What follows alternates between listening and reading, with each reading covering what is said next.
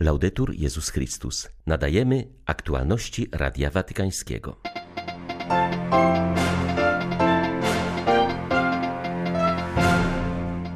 Po modlitwie Regina Celi Franciszek raz jeszcze wezwał przywódców światowych do zakończenia wojny na Ukrainie. Nie doprowadzajcie ludzkości do ruiny, apelował Ojciec Święty. Podczas mszy w uroczystość zesłania Ducha Świętego papież zaznaczył, że to właśnie trzecia osoba Trójcy Świętej daje nam głębokie poczucie, iż jesteśmy kochani przez Boga, uzdrawia nasze wspomnienia i leczy rany. Dzisiaj wchodzi w życie nowa konstytucja apostolska o kurii rzymskiej Predicate Evangelium, dokonująca szeregu zmian w instytucji, która wspiera papieża w jego posłudze Kościołowi Powszechnemu. 5 czerwca witają Państwa ksiądz Krzysztof Ołdakowski i Łukasz Sośniak. Zapraszamy na serwis informacyjny. Duch Święty sprawia, że wszystko widzimy w nowy sposób, spojrzeniem Jezusa. W wielkiej podróży życia uczy nas, od czego wyjść, jakimi drogami podążać oraz w jaki sposób to czynić, powiedział papież podczas mszy w uroczystość pięćdziesiątnicy. Franciszek zaznaczył, że punktem wyjścia podróży życiowej jest miłość będąca darem Ducha Świętego. Papież zwrócił uwagę, że Duch Święty daje głębokie poczucie, że jesteśmy umiłowanymi synami i córkami Boga. Uzdrawia nasze wspomnienia i leczy nasze rany. Uczy nas akceptować siebie, przebaczać sobie, pogodzić się z przeszłością, aby zacząć od nowa. Duch Święty nie tylko przypomina nam o punkcie wyjścia, ale uczy nas także, jakimi drogami mamy podążać przez życie.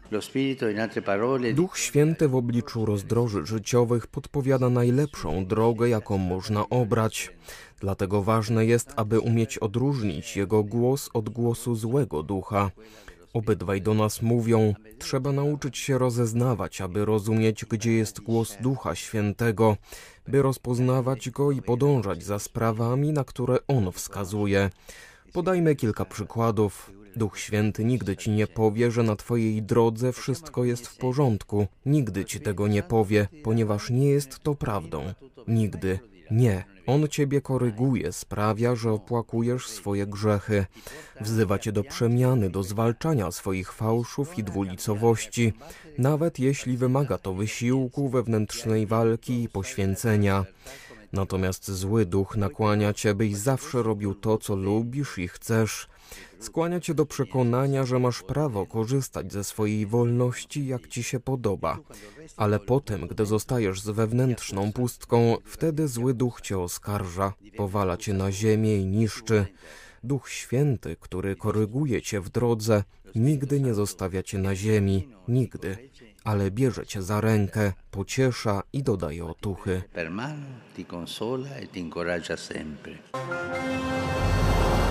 Duch Święty wnosi w nasz dzień dzisiejszy aktualność Jezusa zmartwychwstałego i żyjącego, powiedział papież w rozważaniu przed modlitwą Regina Celi. Franciszek zwrócił uwagę, że Duch Święty naucza i przypomina nam to, co powiedział Chrystus. Papież zaznaczył, że Duch Święty nauczając pozwala pokonać przeszkodę w doświadczeniu wiary, jaką stanowi dystans, zarówno ten między Ewangelią a życiem codziennym, jak również ten historyczny, dzielący nas od czasów, kiedy żył i działał Jezus.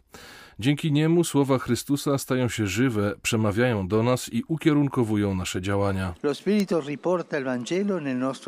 Duch Święty przewraca Ewangelię naszemu sercu. Podobnie było z apostołami. Wiele razy słyszeli Jezusa, ale nie za bardzo go rozumieli. Nam przydarza się to samo, lecz od dnia pięćdziesiątnicy dzięki Duchowi Świętemu pamiętają i rozumieją. Przyjmują Jego słowa jako przeznaczone właśnie dla nich i przechodzą od wiedzy, od znajomości z pamięci do żywej, uświadomionej i radosnej relacji z Panem. Czyni to Duch Święty. On jest sprawcą przejścia od poznania ze słyszenia do osobistego poznania Jezusa, który wkracza do serca.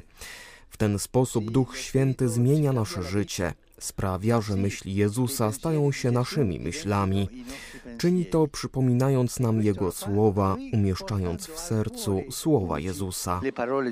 Papież zwrócił uwagę, że bez Ducha Świętego, który uobecnia nam Jezusa, wiara staje się pozbawiona pamięci. Nie powinniśmy być chrześcijanami bez pamięci. Wtedy każda przeciwność, znużenie czy kryzys mogą sprawić, że zapomnimy o miłości Jezusa i popadniemy w zwątpienie oraz lęk.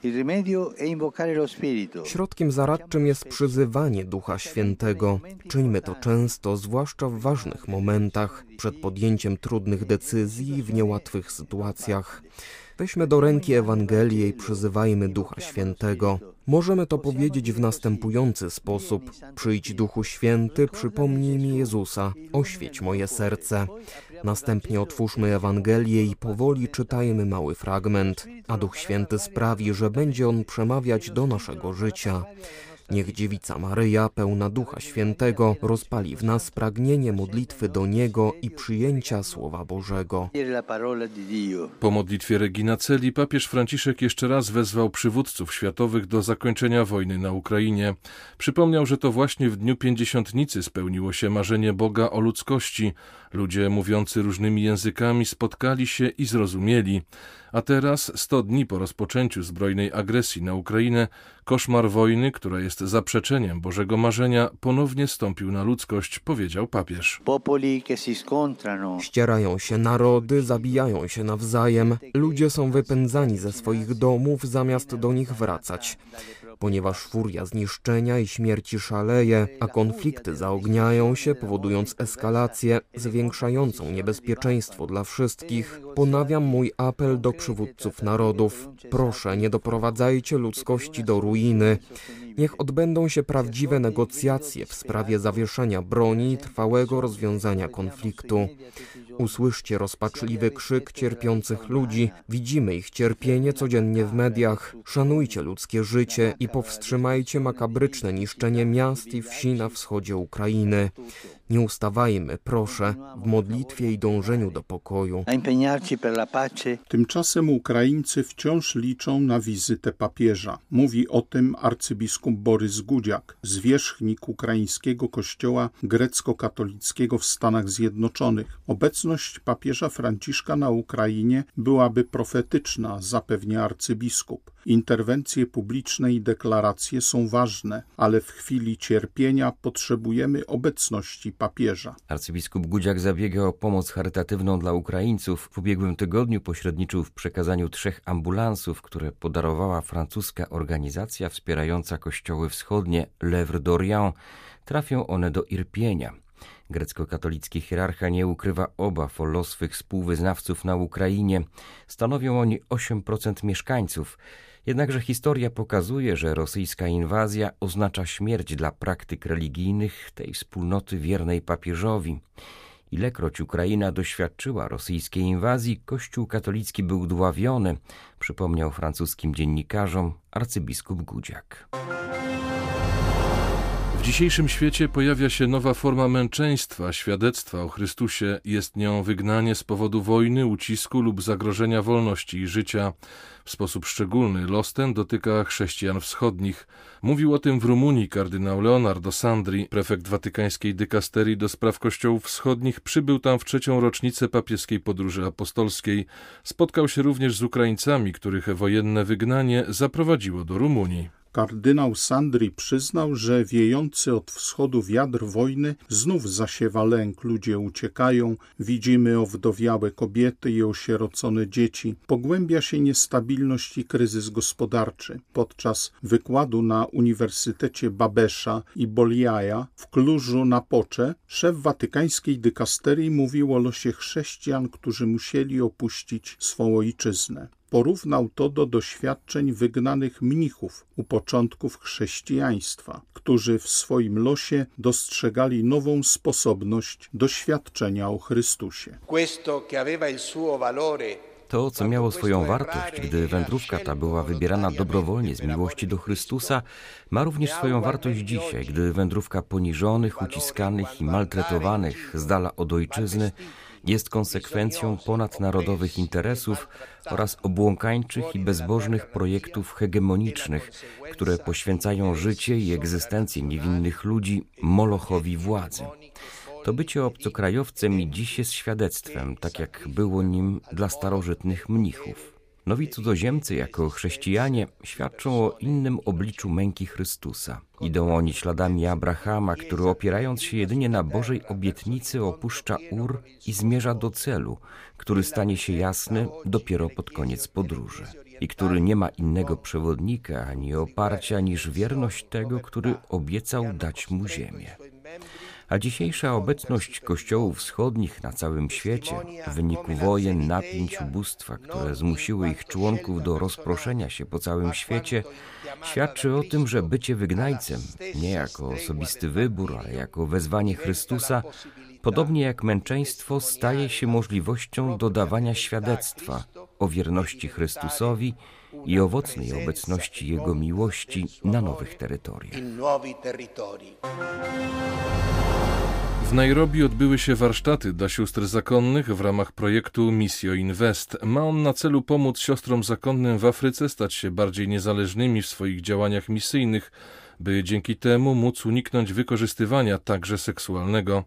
Siostry są zachwycone, bo nie muszą już czuć się jak małe dziewczynki proszące co jakiś czas o pieniądze, powiedział ksiądz Andrew Small, sekretarz papieskiej komisji do spraw ochrony małoletnich oraz założyciel i administrator Missio Invest.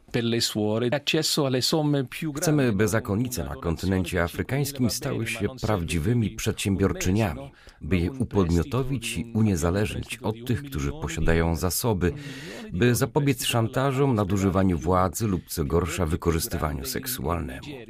Zakonnice nie zawsze zabierają głos w tej sprawie, boją się, muszą nadal żyć w takich warunkach i cierpią.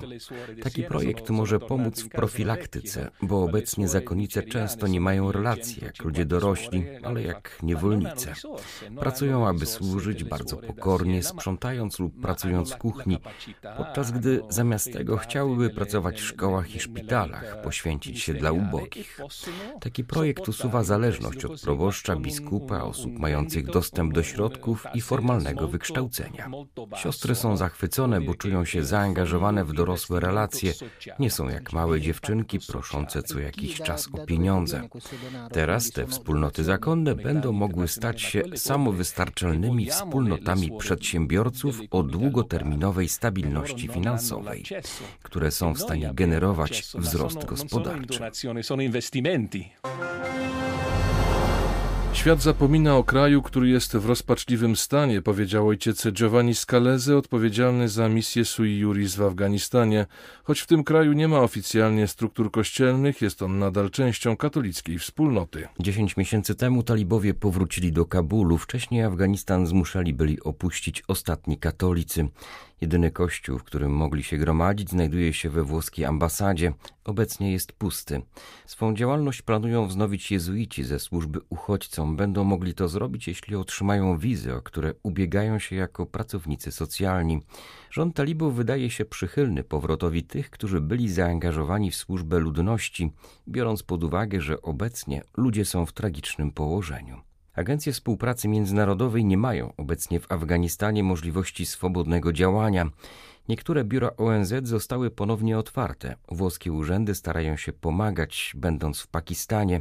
Ich obecność na miejscu byłaby bardzo ważna, by reagować na tragiczną sytuację humanitarną, którą pogarsza jeszcze zamrożenie afgańskich depozytów w zagranicznych bankach. Ludzie walczą o przetrwanie i szukają wszelkich możliwych dróg ucieczki stwierdził ojciec Skalezy. Były to aktualności Radia Watykańskiego. Laudetur Jezus Chrystus.